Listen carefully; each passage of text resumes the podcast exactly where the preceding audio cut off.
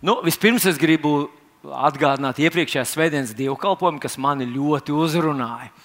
Un tas bija uh, Dāvidas sludinātais vārds par to, kā būt um, pieticīgiem. Un mēs sapratām, ka tas nav vienkārši nu, ne, ne, neko savā dzīvē nemainīt, vienkārši dzīvot kā ir, bet tas ir taisnība otrādi - būt apmierinātiem ar to, kur mēs esam, būt pateicīgiem un smelt no Dieva spēku, lai izmainītu visu, ko varam izmainīt. Es ticu, ka Dievs grib, lai mēs izmainām šo pasauli, atstājam dziļas pēdas. Tikai tas nav izdarāms tādiem mīsīgu elkonu, fizisku nepatiku vai dusmām, bet tas ir izdarāms ar pateicību un uzticēšanos mūsu kungam un glābējam. Nu, Mēs ar Dāvidu mums bija tāda saruna pirms tā dievkalpojuma. Tad Dāvids izteica tādus vārdus, kā tas būtu, ja mūsu dzīvē mums paliktu tikai tās lietas, par kurām esam pateicīgi. Tātad, ja mūsu dzīvē rīt mums paliktu tikai tās lietas, par kurām esam pateicīgi. Nu, protams, runa nav par ienaidniekiem un slimībām. vai nezālēm tavā dobē. Tur nav nekas jādara, un tās lietas būs. Bet tieši par dārgumiem, tām dārgajām pērlēm, kas mūsu dzīvē ir, ka tās mūsu dzīvē paliks tikai tad, ja mēs par tām būsim pateicīgi. Un, ziniet, es pārdomāju šo te teikumu, un es konstatēju, ka Romas vēstulītē, pirmajā vai otrajā nodaļā, es momentāli neatceros, Bet apelsīns Pāvils runā par cilvēkiem, kuriem bija dota dieva atziņa. Un viņi to nav, viņi dievu nav turējuši godā, kā dievu nav viņam pateikušies. Un tad viņi ir iekrituši tumsā un savā, savā, savā cilvēcīgajā lepnumā viņi pazaudējuši gudrību un iekrituši tādā savā mīsīgā dumībā un sākuši pielūgt uh, visādas radī, radītas lietas tā vietā, lai pielūgtu radījumu. Un man tiešām jāsaka, ka tās dārgās pērles, kas mūsu dzīvē ir, tie dārgumi, kas mūsu dzīvē ir, ja mēs nepaturam prātā, ka tie mums ir doti no Dieva, ka visas, katrs labs devums, katra pilnīga dāvana nāk no gaismas tēva, un mēs viņam nepasakāmies, mēs faktiski dodam iespēju ienaidniekam mums tās lietas nozagt. Tā tad būt apmierinātiem, pateicīgiem, pieticīgiem tajā situācijā, kur esam, iemācīties to darīt, tad, kad tev ir mazumiņš, un saglabāt to arī tad, kad tu savā dzīvē esi paplašinājis savus robežas. Nu, bet, zinot, pateicība ir arī tā, tā lieta, ko es izjūtu, piemēram, katru reizi, kad braucot, braucot pa kādu ielu kādu šoseju, man kāds brauc pretī, un viņš tā uzmidžina ar gaismām. Un es uzreiz Nu, iespējams, ka jūs nezināt, kas jādara. Jūs kāpjat ārā uzreiz un skatāties, kur ir iepirmīgs. Es to nedaru, bet es ieplēšu acis divreiz lielākas un skatos uz priekšu, kas tur ir. Un ļoti bieži, kad man kāds tā uzmidžina, es zinu, ka ceļmalā stāv mūsu valstī dārgākais fotogrāfs ar savu fotoaparātu un piedāvājas savus pakalpojumus. Un tā kā es nevienmēr esmu uztaisījis frizūru, tad es bieži vien piebremzēju jo negribu fotografēties. Un zinat, ko? Esmu pateicīgs par to, ka mani kāds pabrīdināja. Un šodien mazliet gribu parunāt par brīdinājumiem. Un zinat, kad kādu citu reizi es braucu, braucu kā jau vienmēr, nu, kā, kā, kā jau atceries, kā mēs tikko iekāpām mašīnā, to uzreiz steidzies. Es, protams, nerunāju par, par uh, sievietēm, jo viņas parasti nesteidzās nekur. Uh, Un viņas var gan spogulītī paskatīties, gan braukt, gan pa telefonu runāt. Uh, jā, nu, vienmēr sakot, ir cilvēki, kas nesteidzās, bet es parasti, kad es izbraucu uz ielas, es vai nu braucu vai stāvu, bet uh, nu, nevar darīt neko pa vidu. Nu, lūk, un pēkšņi tu brauc, un tev neviens nav pabrīdinājis. Malā stāv fotogrāfs, un tu tikai redz plikts. Un saka, ah, Un tad tā svētais sašutums un dusmas, kāpēc mani nepabrīdināja? Kas tiem cilvēkiem kaiš, kas brauca man pretī un nepabrīdināja? Lūdzu, tā nekad nedariet, jo Jo tas ir laikam vienīgais grēks, kurš netiek piedots. Tā tad nu, mums patīk, kad mūs pabrīdina. Un, zinot, vēl manā dzīvē bija tāds interesants gadījums, kad eh, tas bija diez, diezgan daudz gadus atpakaļ, nu, kad mums bija ģimenē tāda situācija, ka mums vajadzēja automašīnu.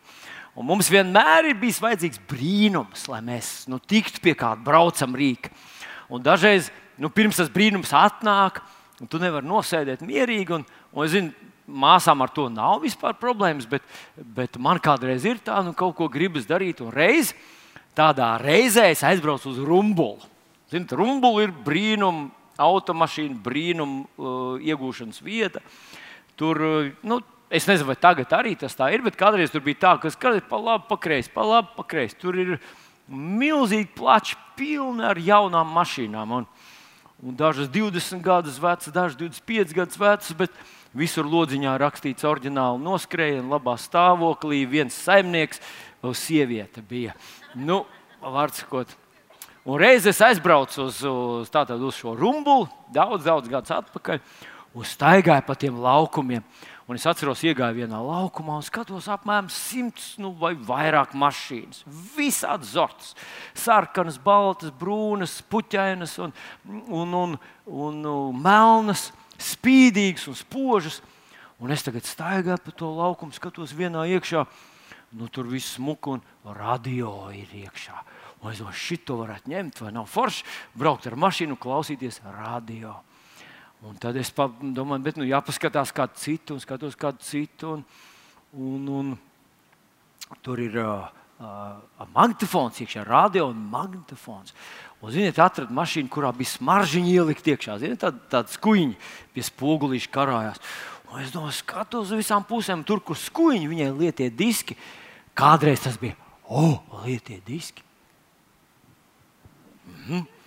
Novārds, ko es staigāju pa to laukumu, iekalu tek jau gandrīz vien, nu, domāju, nu, nu, jāņem viena no tām labajām ar oriģinālo noskrējienu, kuras sieviete viens pats īpašnieks bija.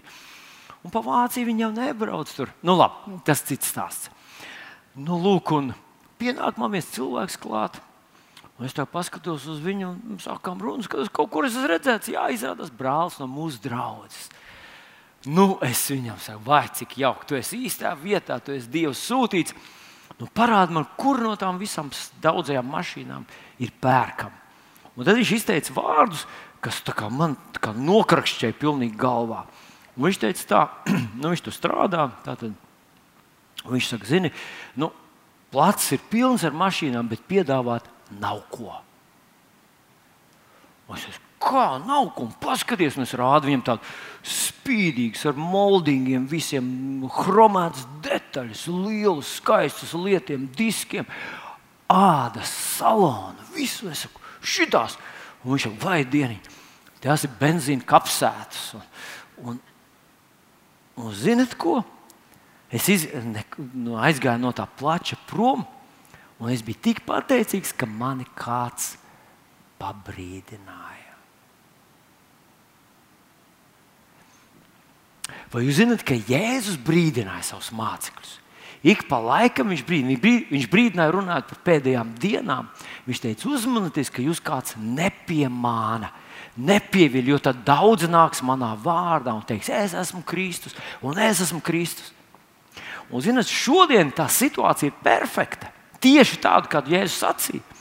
Jo pasaulē ir tik daudz reliģiju, kas saka, ka ka mēs vienkārši vadām pa citu ceļu, bet pie tā paša dieva. Un Jēzus teica, nepievilieties, lai jūs nepiemānītu. Vai es zinu kādu, kurš ir piemānīts? Ak, man jāžēl un jāsaka, jā. Bija viens jauns puisis, ļoti jauks, meklējošs jauns puisis.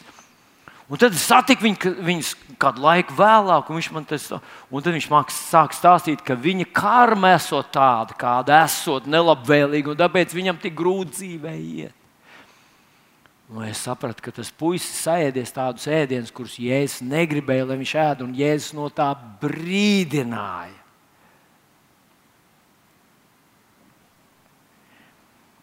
Mēs gribam, lai mūs brīdina Un mums patīk brīdinājumi. Bet dažreiz mums patīk, ka mums brīdina par tādām mazām lietiņām, tādām ļoti praktiskām, mīsīgām lietiņām. Un mēs palaidām garām tos lielos, nozīmīgos brīdinājumus, kuriem ir mūžības mērogs un kuriem ir tādas tiešām liktenīgas sekas. Un zinat ko? Viena tāda interesanta situācija, kas iekrita manā dvēselē, un šajā rītā gribu ar jums arī tā īpašāk pie tās apstāties, tā ir uzrakstīta Lūkas evanģēlijā 16. nodaļā. Lūkas evanģēlijā 16. nodaļā Jēzus tur stāsta kādu stāstu, kas visiem Bībeles lasītājiem ir zināms, un es mazliet viņu pārstāstīšu. Tātad šajā nodaļā Jēzus stāsta starp dažām citām lietām, Jēzus stāsta arī stāstu par nabagu lāceru un bagāto vīru. Un viņš saka, tā tad ir divi cilvēki. Ir kāds ļoti bagāts cilvēks, kurš dzīvo ikdienas kārībā un līgsmībā. Faktiski viņš dzīvo tā, kā viņa miesa grib. Nosauksim to tā. Vienos vienīgos svētkos. Neko sev neaizliedz. Un viņam blakus dzīvo, vai turpat netālu dzīvo Lācars, kuram nav nekādas izvēles, kurš dzīvo absolūtā na nabadzībā un viņam nekas dzīvē eh, neveicās. Un tad Jēzus saka, ka Lācars nomirst, un nomirst arī bagātais vīrs, un abi tiek apglabāti. Un ziniet, kas ir interesanti? Ka visā tajā stāstā Jēzus stāsta teiksim, par to bagāto vīru, kurš nonāk Ellē. Tur tā burtiski uzrakstīts, ka viņš nomira un nonāca Ellē. Mēs varam uzticēties Jēzus stāstiem, vai tie ir reālas situācijas. Un viņš tā burtiski saka, bija kāds bagāts vīrs, kurš dzīvoja tā. Kad, mēs varētu noprast, ka viņš stāsta par kādu konkrētu situāciju. Bet pat ja tā būtu līdzība, mēs varam uzticēties Jēzus līdzībām un Jēzus stāstiem, ka tie ir detaļās, precīzi un atbilst. Jo Jēzus visu, ko runāja, viņš visu runāja patiesībā. Bet tātad paklausieties, šis bagātais vīrs nomirst viņa ķermenis tiek apglabāts, un viņš tagad ir nonācis ellē. Viņš ir viņa dvēsele un viņa gars tur ir. Bet viņš runā par fiziskām ciešanām. Paklausieties, es saviem vārdiem pastāstīšu, ko viņš saka Abrahamam. Abrahām, tēvu, lūdzu, vispirms viņš atpazīst Abrahāmu. Viņš viņa dzīves laikā nav redzējis. Viņš nekad ar viņu nav runājis. Viņa fotografiju viņš nav redzējis, jo, kā mēs zinām, tajā laikā vēl nekādas fotografijas un tāda veida nodošanas nav iespējamas. Bet viņš atpazīst, ka tas ir Abrahāms. Un, zinat, manuprāt, tas eh, nozīmē to, ka tad, kad mēs novilksim šo mirstīgo ķermeni, kuru apelsīns Pāvils kādā vietā sauc par māla būdu, mēs ieraudzīsim, ka mūsu dvēseles acis, mūsu dvēseles izpratne ir daudz pārāk par to, kas mums ir šodien, kamēr vēl atrodamies šajā māla būdā. Viņš atpazīst, ka tas ir Abrahams. Bet interesanti ir tas, ka viņš runā tikpat kā par fiziskām ciešanām. Viņš saka, Abraham, sūti Lācaru, lai viņš iemērtu savu pirkstu ūdenī un atveldzē manu mēli, jo es ciešu slāpes šajās mokās. Ziniet, tas ir savādi, ka arī dvēselē cilvēks izcieš tās pašas fiziskās sāpes un mokas, kādas mēs pierakstam savam fiziskajam ķermenim. Un lasot to, man radās tāds pārdoms, ka mūsu dvēsele, acīm redzot, perfekti atbilst mūsu ķermenim. Un varbūt Varbūt tas ir iemesls, kāpēc kādreiz cilvēki, kuriem ir amputēta kāda ķermeņa daļas, saka, ka viņi atkal un atkal izjūt tās daļas, kas viņiem ir amputētas. Iespējams, ka tās ir tāpēc, ka mūsu dvēsele ir ļoti līdzīga mūsu ķermenim. Bet tā tad paklausieties, mīļie draugi.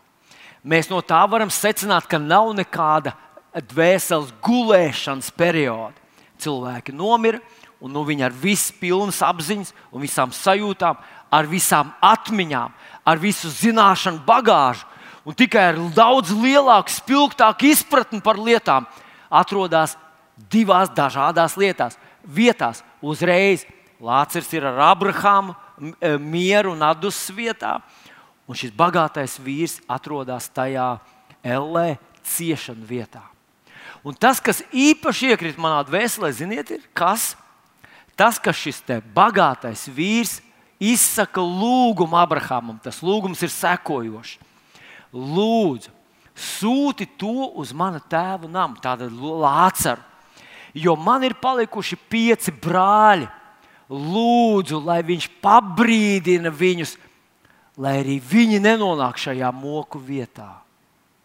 Viņš ir nonācis Ellē un atminās savus radiniekus, tuviniekus, cilvēkus, kas viņam ir bijuši tuvu, un vēlas, lai viņus pabrīdina, lai viņi nenonāk turpat. Ziniet, kādas man radās pārdomas? Man radās pārdomas, vai nav kādi tuvinieki, radinieki, kāda varbūt mūsu vecstāvs, tēvs, mamma vai kāds, kurš ir nomiris, nepieņēmis Jēzu, noliedzis viņu, dzīvojis vienkārši tā kā, nu, nu, tā kā, tā kā tu redzi, un tā, ko tu vari pataustīt, tas ir, un kā tu, ko tu nevari sataustīt, tā nav. Un nonācis turp, viņš gribētu, lai kāds pabrīdina viņam tuvus cilvēkus, dārgus cilvēkus, lai viņi nenonāk šajā posta vietā, moku vietā.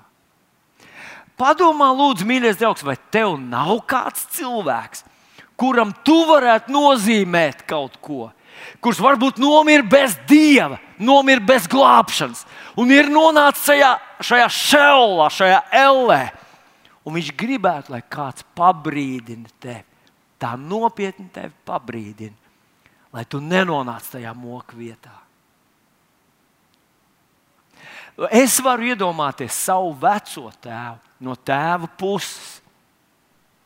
Viņš visu savu dzīvi nodzīvoja kā tāds, nu, kā tāds ģimenes uh, uzurpators, kā tāds destruktīvs uh, tēvs. Viņš vajāja savus bērnus, viņš mocīja savu dzīves draugu. Viņš visu dzīvi bija atkarībās. Un viņš pieņēma Jēzu. Tāpēc, ka viņa ticīgā sieva izturēja visu dzīvi un kalpoja viņam viņa dzīves pašā nogalē. Viņš piedzīvoja grūtas, smagas dienas, palika akls, jo viņš bija visu dzīvi dzērs. Un uz, uz savas nāves gultas viņš raudāja skaļā balsī un lūdza, lai sieviete viņam piedod. Tā bija viņa lūkšana dienām un dienām ilgi nonācis tur, un es ticu, ka viņš ir glābts, jo viņš pieņēma jēzus pēdējās nedēļās pirms nāves. Bet, kad tur nonācis, viņš varbūt lūdz, lai pabrīdina viņa dēlus, viņa meitas, lūdzu, lai viņas nodzīvo labāk, nodzīvot labāk, neatkārtojot manas kļūdas. Un mans tēvs vismaz pāris reizes Man teica, es negribu būt tāds kā mans tēvs. Tātad mans tēvs teica par savu vecāku, es negribu būt tāds kā viņš.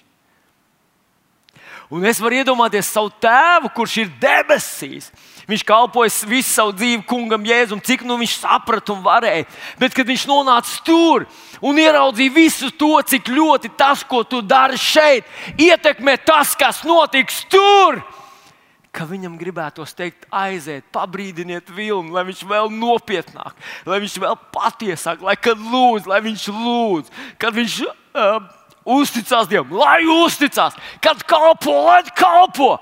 Pabrīdiniet viņu, lūdzu. Ziniet, es gribētu apgalvot, ka noteikti tur ir vai nu tur, vai tur ir kādi, kas lūdz, lai tu tiec pabrīdināts. Un varbūt šodien šis brīdinājums tavā dzīvē un šajā dievkalpojumā skan tāpēc, vai saskaņā ar to, kā tie kādi cilvēki ir vēlējušies, lai tu sadzirdi šo brīdinājumu. Un tāpēc es ļoti gribētu, lai tu sadzirdi to. Bībelē mēs lasām tādus interesantus vārdus. Paklausieties, 1. korintiešu vēstulē, 10. nodaļā, 11. pāns. Tas viss viņiem noticis zīmīgā kārtā un ir rakstīts par brīdinājumu mums, kas esam nonākuši pie laika robežām. Vai tas nav ģeķīgi būt pateicīgam par brīdinājumu, ka tev pabrīdināja par fotoradaru un dusmoties par to, ka tevi kāds uzrunā un pabrīdina par mūžības lietām. Iesai grāmatā 28. nodaļā 11. un 12. pāns izraisa tādus, tādus klusus, tādus drebuļus manā dvēselē. Paklausieties, kas tur uzrakstīts, un tas ir atkārtojies Dieva draudzes un Dieva bērnu vēsturē atkal un atkal. Tur rakstīts tā, tiešām ar ļaužu starpniecību, kam pinas lūpas un kas šļupst ar svešādu mēli. Viņš uzrunā šo tautu. Šo pantu Pēters citē vasaras svētkos, kad Dieva tauta saņem svēto garu un runā mēlēs. Pēters citē tieši šo pantu ar svešādu mēlu, ar, ne, ar mēlu, kas izrunā neskaidrus vārdus. Tu uzrunās šo tautu. Un kas tad ir secinājums? Viņš saka, šeit ir dusmas vieta. Dodiet atdus piekusušajiem. Šeit ir miera vieta. Un paklausies, kas rakstīts tālāk. Bet tie to negribēja dzirdēt. Ak, Dievs! Ak, Dievs! Palīdzi man! Lūdzu, palīdzi man! Lai es sadzirdētu tavus brīdinājumus! un pieņemtu tos. Paklausieties, mīļie draugi. Tā nav axioma, bet skatoties Bībelē, es redzu, ka tas atkal un atkal tā nostrādā. Un es to pateikšu tādā tautas valodā, bet, kas nav īsti precīzi. Tomēr uh, tur ir sava ļoti liela patiesība. Ka pirms sodīšanas tad neviens netiek sodīts, iekāms nav brīdināts. Un es to redzu Bībelē, kā tas ir darbojies. Pirms Kains izdarīja savu lielo neatgriezenisko rīcību, Dievs viņu uzrunāja. Kains to uh, no, nogriez un atcita. Dievs sūtīja Jonu uz Nīnivi, lai brīdinātu Nīnivi, pirms tā tiktu noslaucīta. Tajā reizē viņi sadzirdēja Jonas aicinājumu Bet, diemžēl, vēlāk viņi atkal atkrita savos vecajos grēku ceļos. Un vairākus desmit gadus vēlāk tas, kas bija tad pabrīdināts, tas notika ar Nīnivu. Jo viņi nebija uztvēruši nopietni šo praviešu brīdinājumu. Dievs brīdina mūs. Un, zinot, ja mēs sev izstrādātu tādu jūtīgu sirdi, tādu mīkstu sirdi, par kuru mēs esam mācījušies, mēs esam uh, lūguši To ir jāsargā. Atcerieties, Zalmans saka, pāri visam, kas jāsargā, sārgi savu sirdi. Vispirms jau mīgs sirds ir pazemīgs sirds. Tā nekad nav augstprātīga lepna. Mēs izvairītos no ļoti daudziem smagiem, ļoti, ļoti smagiem kritieniem. Tātad neviens netiek sodīts, vai pirms lielām kolīzijām Dievs sūta brīdinājumus mūsu ceļā dažādos veidos. Un atvērta, pazemīga, mīksta sirds to sadzird un reaģē uz tiem. Un, zinot, Marka evanģēlijā 4. nodaļā, mēs, 14. nodaļā mēs lasām, ka Jēzus arī brīdināja savus mācekļus. Un paskatīsimies, kas tad uzrakstīts Marka 14. Es lasīšu šeit no 27. panta. Un Jēzus tiem saka, tad Jēzus tas ir ģedzamāts dārzs, uzrunā savus mācekļus. Jūs visi apgrēcināsieties, jo stāv rakstīts, es gānu sitīšu, un navis taps izklīdināts. Bet, kad es celšos augšā, es jūsu priekšā noiešu uz Galileju. Un tad Pēters viņam atbild. Pēters viņam atbild, un ja visi apgrēcinātos, tomēr es, es Nē, ar mani tas nenotiks. Es esmu pietiekami gudrs. Es zinu, kā tas iziet. Varbūt ejot pa šo ceļu, citi ir krituši. Ar mani tas nenotiks. Un es domāju, cik ir tādi cilvēki, kas tādā mīsīgā, tādā, tādā dvēseliskā tādā pārliecībā ir pierakstījuši sevi, ka es jau neesmu pietiekami pieredzējis un gudrs es jau nu no Dieva nekad neaiziešu. Un tomēr ar viņiem tas ir noticis. Ziniet, ko? Jēzus turpina. Tātad Pēters sākā ar mani tas nenotiks. Un Jēzus turpina. Patiesi, patiesi es tev saku, šī naktī pirms gailas otrais dziedās, tu mani trīskārt aizliegsi. Bet tas runāja vēl vairāk, jebšu man būtu ar tevi jāmirst, taču es tevi nekad neaizliegšu. Un tāpat arī visi citi sacīja. Es nezinu, vai tu esi jūties savā dzīvē tā, ka tu esi gana piedzīvojis, gana sapratis, gana saņēmis, ka tu vairs neaizies no Dieva, ka tas nav iespējams, tu neaizliegsi viņu. Un Pēters varēja droši uz to paļauties, ja tas būtu atkarīgs no tādiem iepriekšējiem piedzīvojumiem. Mēs varētu veselu sarakstu sastādīt ar Pēteru tādiem, nu, tādiem dramatiskiem piedzīvojumiem, kurus viņš piedzīvoja savā dzīvē. Nu, vispirms, pieņemsim, viņš redzēja, kā Jēzus aptur vēju un vētru, kas draudzēja viņus noslīcināt. Viņš redzēja, kā Jēzus mums no, no kapiem skrēja pretī uh, divi apsēsti cilvēki, uh, no kuriem baidījās vesels desmit pilsētas un neko nevarēja viņiem padarīt. Un Jēzus izzina leģionus, no viņiem tie leģioni ieskrēja cūkās, un cūks izdarīja pašnāvību. Viņš to redzēja savā acīm. Viņš bija tas, kurš nesāja tās maizes turp un atpakaļ. Un no divām maizēm, un, un, uh, piedodiet, uh, no, no, no piecām maizēm un divām zivīm viņš pabaroja piecus tūkstošus. Tas bija viņa reāls piedzīvums. Viņš bija daļa no brīnuma. Viņam jēzus teica, aizej, izmet makšķeru un iz, paņem pirmo zīvi un izvelk stateru un samaksā par mani un sevi, samaksā nodokļus. Un Pēters bija tas, kura acīs Jēzum bija tāda autoritāte, ka sēžot laivā, vētrā, viņš teica, saki man, lai es nāku pie tevis. Un Jēzus viņam teica, trīs burtus, nāc. Un Pēters tā uzticējās Jēzum, ka izkāpa ārā no laivas un iet pa ķīšu ar virsmu. Es esmu pārliecināts, es esmu gandrīz pārliecināts, ka nevienam no mums šeit klātsošiem neienāk prātā tāds triks Mēs visi sēdētu laivā un dziedātu, jā, pagodināt, aleluja. Bet mums nevienam neienāk prātā, saki man, lai es nāku par ķīšas ar ūdeņiem. Tāda, tāds bija Pēters, kad viņš bija ģedzamāts dārzā un atnāca Jēzus gūstītāji. Viņam bija zobens, viņam tikai diviem bija zobens. Es nezinu, kas, kas bija otrais, varbūt tas bija Jānis. Jānis teica, nezināja, uh, nu, ziniet, Jānis bija ļoti apdomāts, pieķērās, piesaistīts, atrada nu, visādi viņš izmēģināja. Bet Pēters izrauza zobenu un viņš cirta horizontāli cirtienu. Viņš gribēja nocirt augstā priesteru kalpam, viņš gribēja nocirt viņam galvu. Un laimē, ka tas kalps pieliecās un trāpīja pa ausu. To kalpu sauca Malhs. Ļoti labs vārds dēlam, ja tev nākamais būs dēls, jūs ģimenē nosauc viņu par malhas. Viņš ļoti veikli izvairīsies. Un, un, un... Ziniet, ko tur mēs varam redzēt?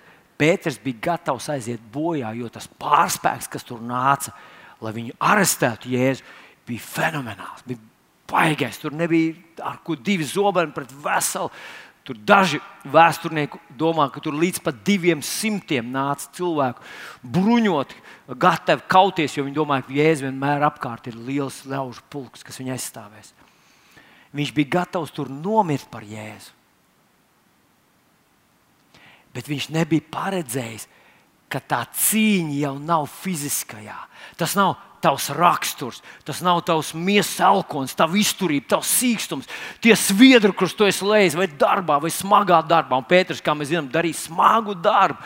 Nu, kāds varbūt ir tāds ļoti sportisks, fiziski attīstīts un saka, es nekad no jēzus neaiziešu, nu, nekad neaizliekšu viņu. Bet Jēzus Pēters nezināja, ka cīņa jau nav fiziskajā. Un Jēzus viņam to saka, druskuļi vēlāk viņš to saka viņam Lūkas 22. nodaļā, 31. pantā. Jēzus saka viņam tāds vārds: Sīman, Sīman, Sātanam ļoti iegribējies tevi sijāt kā kviešus. Mūsu revidētajā tekstiņā lietots vārdiņš jūs, bet, ja tu paskaties angļu bībelīti, King James, tur lietots vārdiņš burtiski, ka Jēzus Pēter, tā ir tava pārbaudījuma stunda. Tava pārbaudījuma stunda. Viņš, Viņš vēlns ir apņēmies tevi izsist no līdzsvara un tevi nogalināt kā garīgu, kā apakstuli, kā ticības cilvēku. Ja Pēters būtu uzklausījis Jēzus brīdinājumu, esmu pārliecināts, ka viņš varēja nekļūt par nodevēju. Bet tad, kad viņam vajadzēja tur tajā lūkšanas brīdī būt, viņš ne, nebija. Un par to mēs pēc mirklīša mazliet parunāsim. Es vienkārši šodien gribēju, lai tu ieraugi, ka cīņa nav pret miesu un asinīm, un ka vēlnu uzvarēt nevar ar raksturu, ar fizisko, ar apņemšanos, ar to, ka es, ka man ir gan tāds, es esmu gan izlēmīgs, es protu darīt smagu darbu, es protu paciesties, es protu izturēt, izturēt izsalkumu un visu kaut ko, ka tur ir vajadzīgi gari ieroči. Un tas nav unikāli Pēterim vienam. Ar šo pašu situāciju mēs sastopamies jau Iepa grāmatā, pašā, pašā pirmajā grāmatā, vai grāmatā, kur runā par laiku, kad vēl nebija nekādas derības starp Dievu un cilvēkiem. Tur pirmās nodaļas, 8. pantā, mēs lasām mūsu revidētajā tekstā, ka Dievs saka, Vēlnam, vai tu esi ievērojis manu kalpu īņķi, ka viņš ir taisns un nav otra tāda cilvēka, kāds viņš ir? Un skeptiķi kādi ir teikuši, nu, redz, Dievs pats izaicināja vēl un parādīja viņam to iebu, bet, eh, bet tā nav patiesība. Ir kāds tulkojums, kurš saka šādi, kurš šo pantu prezentē tā, un mēģina uh, ieklausīties, ka es to vienkārši atstāstīšu no savas atmiņas. Un tur bija rakstīts tā, ka Dievs saka, tā tad tu esi noskaņojies pret manu kalpu īņķi, kurš ir taisns, un otra tāda nav neviena virs zemes. Tas bija vēlna nodoms. Viņš bija izraudzies pašu dedzīgāko un vēlējās viņu salauzt, sagraut. Dievs vienkārši pacēla to gaismā. Un šodien, vai tajā reizītē, Jēzus brīdina Pēteri, bet mēs ar jums dzīvojam tieši tādā pašā situācijā, mīļie draugi. Un tāds vienkārši tāds tāds prāta, dvēselisks, cilvēcīgs, tāds, tāds uh, mīsīgs, tāds lepnums. Nē, es nepadošos, es neaiziešu. Es pratīšu to distanci paturēt droši ar kungu jēzu. Nestrādā. Jo 1. pētera vēstulē, 5. nodaļā, 8. pāntā apstults Pēters mums saka, esiet nomodā, esiet skaidrā prātā, esiet skaidrā prātā, esiet nomodā, esiet modrīgi. Jūsu pretinieks vēlams staigā apkārt kā lauva rūgdams, meklē, ko tas varētu aprīt. Tas nozīmē, ka tāda paša sijāšanas stunda viņi ir šeit šodien. Tālāk viņš saka, 9. pantā, viņš saka, tam turieties pretī stipri. Kā ticība. Tās ir garīgas kategorijas. Ticība ir sirds ticība, ka ar sirdi tic un ar muti pasludini. Ar sirdi tic un drosmīgi ar muti pasludini. Tā nav mīsīgs elkonis. Mēs nevaram uzvarēt vēlnu, mēs nevaram uzvarēt garīgās cīņās ar savu intelektu spēku, ar savu izlēmību, ar savu raksturu, ar to, ka esam pieraduši sporta zālē svīst vai varam noskriet 20 km. Tur tas nedarbojas. Tur ir vajadzīgi šie gāri ieroči ticībā. Un mēs ar tevi zinām, ka mēs ar tevi dzīvojam šādā, te, šādā te, pārbaudījuma stundā. Un mums vajadzētu atcerēties tos vārdus, kurus apstults Pāvils mums saka, apustulis Pāvils Romiešu vēstulītē, 7. nodaļā, paklausies kādus pantus viņš saka. Es zinu, ka manī tas ir manā dabīgajā miesā, nemīt nekas labs. Labu gribēt man ir dots, bet labu darīt nē. Manā dabīgajā miesā, manā mirstīgajā ķermenī nemīt nekas labs. Jā, mūsu ķermenis ir ļoti svarīgs instruments. Tikko mums ir atņemts mūsu ķermenis, mēs vairs šajā pasaulē nevaram ietekmēt neko. Šis ķermenis dod mums pilnvaras un tiesības piedalīties šajā laikā, šīs pasaules notikumos, garīgā konfrontācijā, uzrunāt cilvēku, pieskarties viņam, būt par Dieva rokām, kājām un viņa mēli, viņa lūpām šajā pasaulē. Tikko mums mēs to pazaudēsim, mēs neko neietekmēsim vairs. Tā ir milzīga dāvana, milzīga privilēģija un atbildība atrasties šajā ķermenī. Un tomēr mēs zinām, ka šis ķermenis, ka viņš ir Viņš pieder šai radībai, šai pasaulē. Viņš ir lielisks kalps un ļoti prasīgs, ļoti augstasinīgs, ļoti despotisks kungs. Ja mēs ļausim savai miesai valdīt, tā mūs aizvedīs prom no kunga Jēzus ļoti ātri. Tas prasīs kaut kādu laiku, bet mēs tur aiziesim. Jo paklausties, paklausties, ko apelsīns Pāvils Romiešiem 8. nodaļā, kādus vārdus viņš saka par mūsu šīs zemes mirstīgo ķermeni, šo grēcīgo ķermeni, kurā mēs atrodamies. Viņš saka tā, jo miesas cilvēki tiecas pēc miesas lietām, gara cilvēki pēc gara lietām. Miesas tieksme ved naidā, nāvē, piedodiet, bet gara tieksme uz dzīvību un mieru. Miesas tieksme ir naidā ar Dievu. Tā neklausa Dieva bauslībai, jo tā to nespēja. Miesas cilvēki nevar patikt Dievam. Tu zini, tas nozīmē tikai to, ka mēs ar tevi dzīvojam tādā nemitīgā pilsoņu kara situācijā. Mūsu miesa cīnās pret garu, un mūsu gars cīnās pret miesu. Un tā pilnīga harmonija, kad visas mūsu trīsvienības sastāvdaļas ir apmierināts, nav iespējams. Vai nu mūsu gars prevalē, vai nu mūsu gars ir noteicošais, un miesa tam paklaus un padodas kā kalps. Un es teikšu vēlreiz, ka miesa ir brīnišķīgs kalps.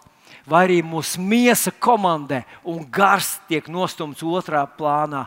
Un tad, mīļie draugi, mēs esam ieguvuši savā dzīvē melno caurumu, kuram nekad nav diezgan, kura apetītes, vēlmes, izdomas un vajadzības.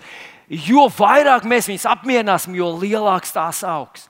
Un šeit ir tas svarīgais princips.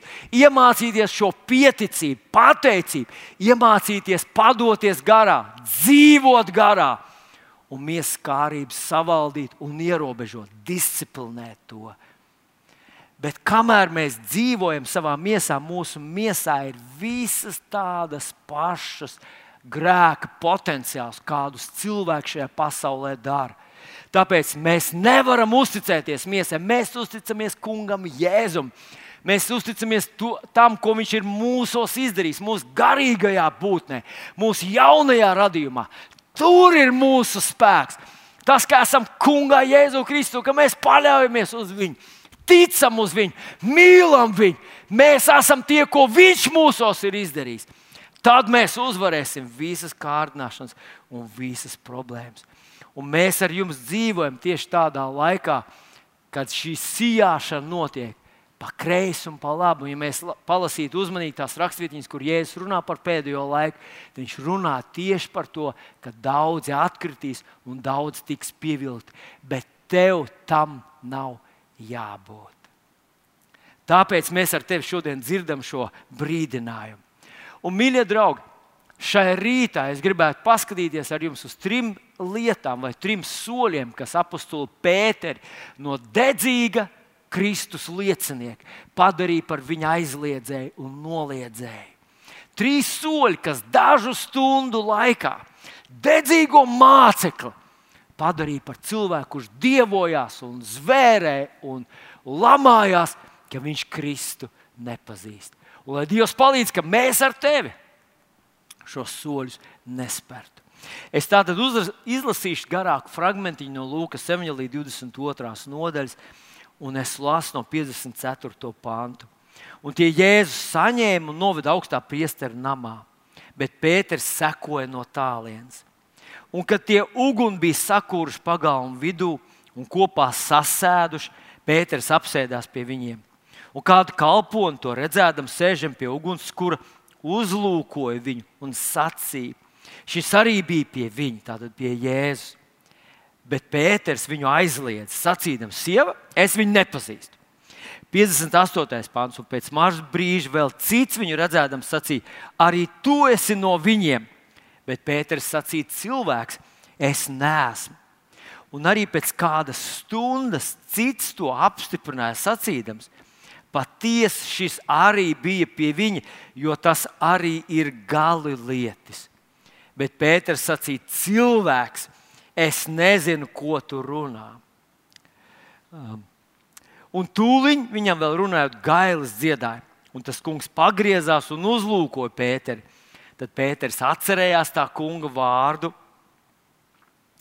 Jo, eh, ko tas viņam bija sacījis pirms gailas, šodien dziedās, tu man trīs reizes aizliegs.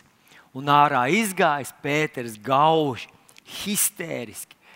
Pēters nevaldām raudāja. Viņš atcerējās visu to stāstu, kas bija norisinājies tikai dažu stundu intervālā. Te viņš zvērēja, ka ies cietumā un nāvē. Un nu, viņš trīs reizes viņu aizliedz, lamājās, gribēja izlikties, ka viņš nav Kristus māceklis un viņu pat nepazīst. Un nu, tās tie trīs soļi mēģina vēl ieklausīties, kādi tie ir.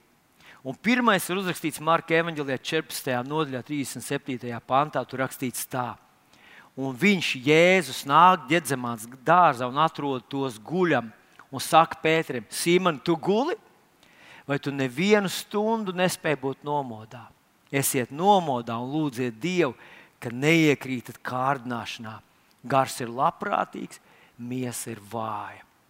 Tā pirmā viņa solis, kā viņš kļuva par nodevēju, bija, kad viņa lūkšanas dzīve kļuva formāla un nedzīva.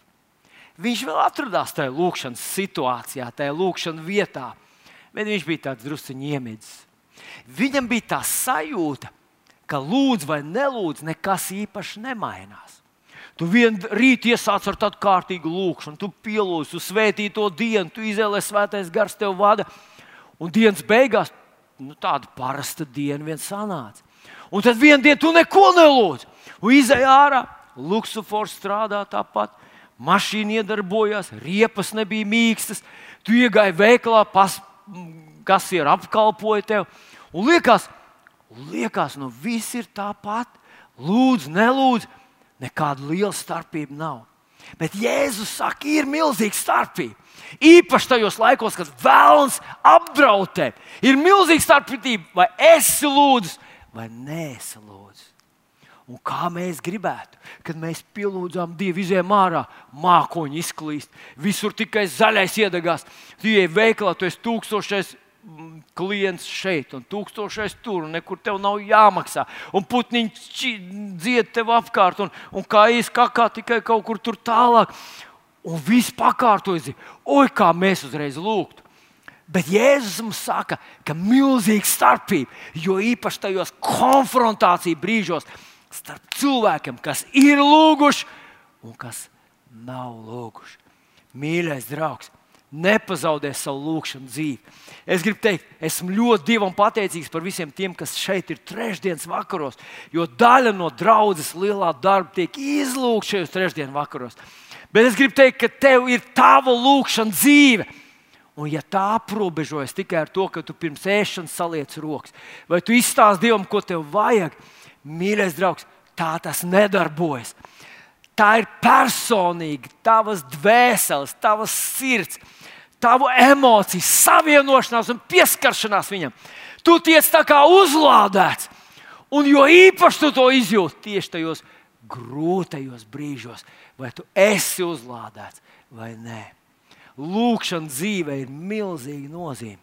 Milzīga lūkš, lūkšana dzīvē ir milzīga nozīme. Tas otrs solis ir uzrakstīts Lūkas 22, 54 un tie Jēzus saņēma un noveda viņu augstā priestera namā. Bet Pēters sekoja no tālienes. Pēters sekoja Jēzum. Viņš vēl aizvien bija, vismaz formāli bija Jēzus māceklis. Daži mācekļi aizskrēja pavisam prom. Pēters sekoja, bet no tālienes. Redziet, ļoti viegli sekot Jēzum, tad, kad Jēzus dziedina un visi klāja drēbes, un saka, ugh, mesī, mesī, slavēts, kas nāk tā kunga vārdā. Bet tajos brīžos, kad tas vairs nav izdevīgi, ka viss pūlis rēc aiz ienaida, aiz, aiz nepatikas, aiz to, kā tu tā drīksti, kā tu vari mums kaut ko aizrādīt, kā tu vari mums mācīt, kas tu tāds esi. Tad būt blakus Jēzum un būt viņa māceklim ir pavisam cita lieta. Un redzi, kādreiz mēs domājam, es jau neaizliegšu, es vienkārši nebūšu tik tuvu. Es vienkārši, nu, es, es vienkārši gabuliņu nostāju. Jā, jā, jā, jā, es arī. Es arī.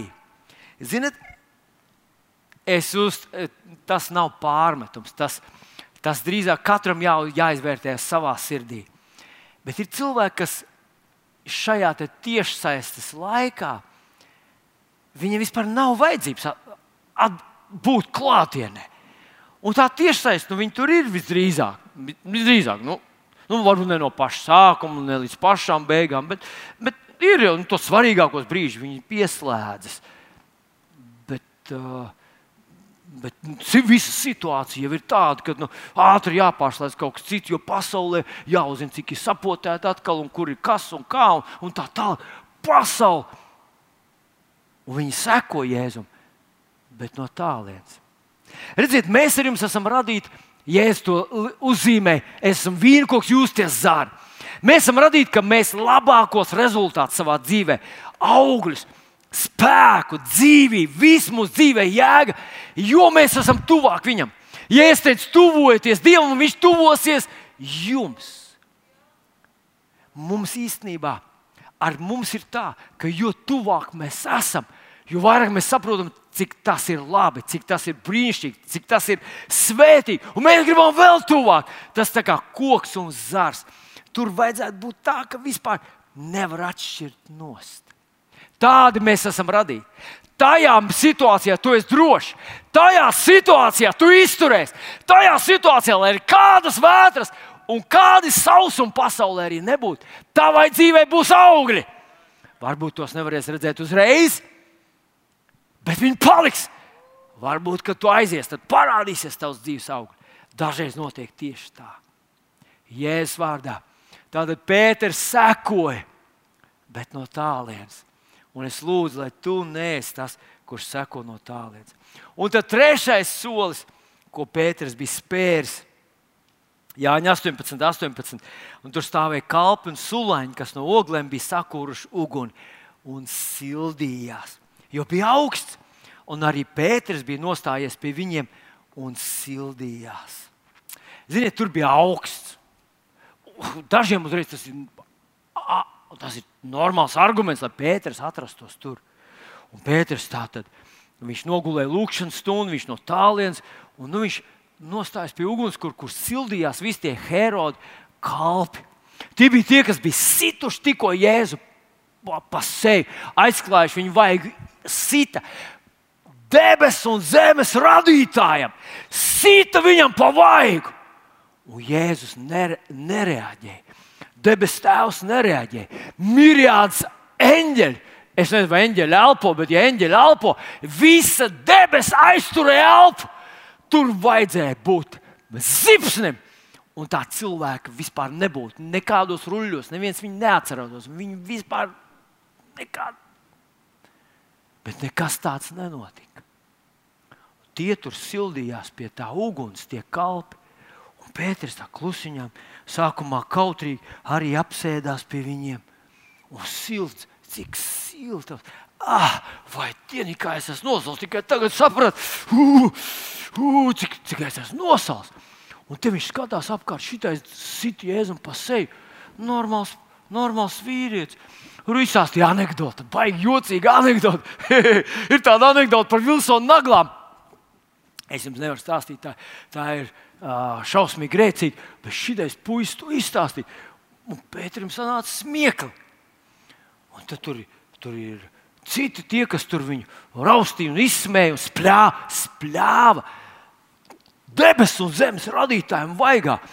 Es domāju, ka debesis vienkārši drebēja no tā saspringuma, kas tur notika. Un Dievs nereaģē. Un Pēters tagad ir starp šiem cilvēkiem, un viņš ieraudzīja, ka tie ir normāli cilvēki. Mēs domājam, tie ir necilvēki, šausmoņi. Viņi tur ko?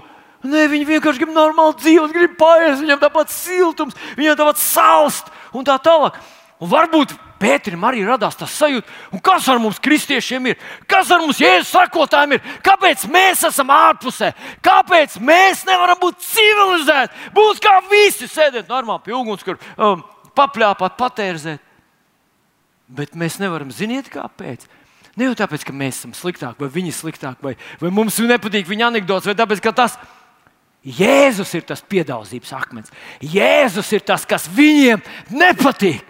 Un nu viena tā simpātiskā kalpone, uz kur Pēters tā uzmet acis, un vienkārši patīkam, mm, patīkam paskatīties skaistu sievieti. Un tā uzreiz saka, arī tu biji viens no viņiem. Vairs viss nekāda simpātija tur vairs nav. Tu esi jēzus sakotājs, tu esi viens no tiem fanātiķiem. Arī tu esi viens no tiem, kas sludina viņu un saka, ka bez viņa nav ceļa pie Dieva. Un Pēters saka, nē, nē, es viņu nepazīstu. Un tad viņš saprata, ka tas piedāvājums akmens ir Kristus. Jēzus mums to pateica ļoti skaidri. Ja viņi mani klausīs, viņi jūs klausīs.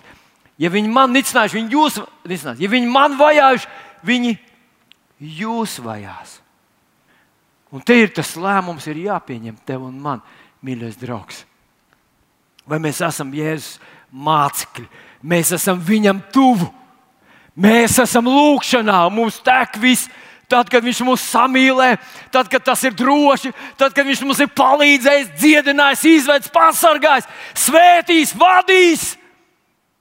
Vai mēs esam tur arī, arī grūtos brīžos, kad nav izdevīgi, kad tev nekarājas zobens virs tava kakla, ka tu esi pie viņa, ka tu meklē viņu. Un Pēters ja es piedodu, uzrunā Pēteru, viņš ir Pēters, kad tu atgriezīsies. Bet es esmu lūdzis par tevi, viņš saka, lai tā ticība nemitās. Es ticu, ka, ja Jēzus nebūtu lūdzis par Pēteru, Pēters nebūtu piecēlies no tā kritiena. Es dažreiz esmu sastaps cilvēks, kas es pat esmu redzējis mācītājus, kas ir sludinājuši svētā gara spēkā. Dievs ir dziedinājis cilvēkus viņa kalpošanas laikā. Un tad tu viņus satiec, un viņi saka, eh, eh, tas nedarbojas. Es jau nebiju glābts. Es, es nezinu, kaut kas viss ir garām. Tik smags ir tas kritiens, ka cilvēks vienkārši nespēja piecelties. Un vēlams viņam saka, tas nedarbojas, tas nedarbojas. Bet, ja es saku, tu vari iemācīties kaut ko no tā kritiena, un tu vari iemācīties trīs lietas. Es gribētu, lai šajā rītā, ja tas uzrunā tevi, mīļais, mans brāl, māsas, šis brīdinājums, ja tas uzrunā tevi, lai tu iemācīsies šīs trīs lietas, Un tā pirmā lieta, tā lūkšana dzīve, viņai jābūt īstai.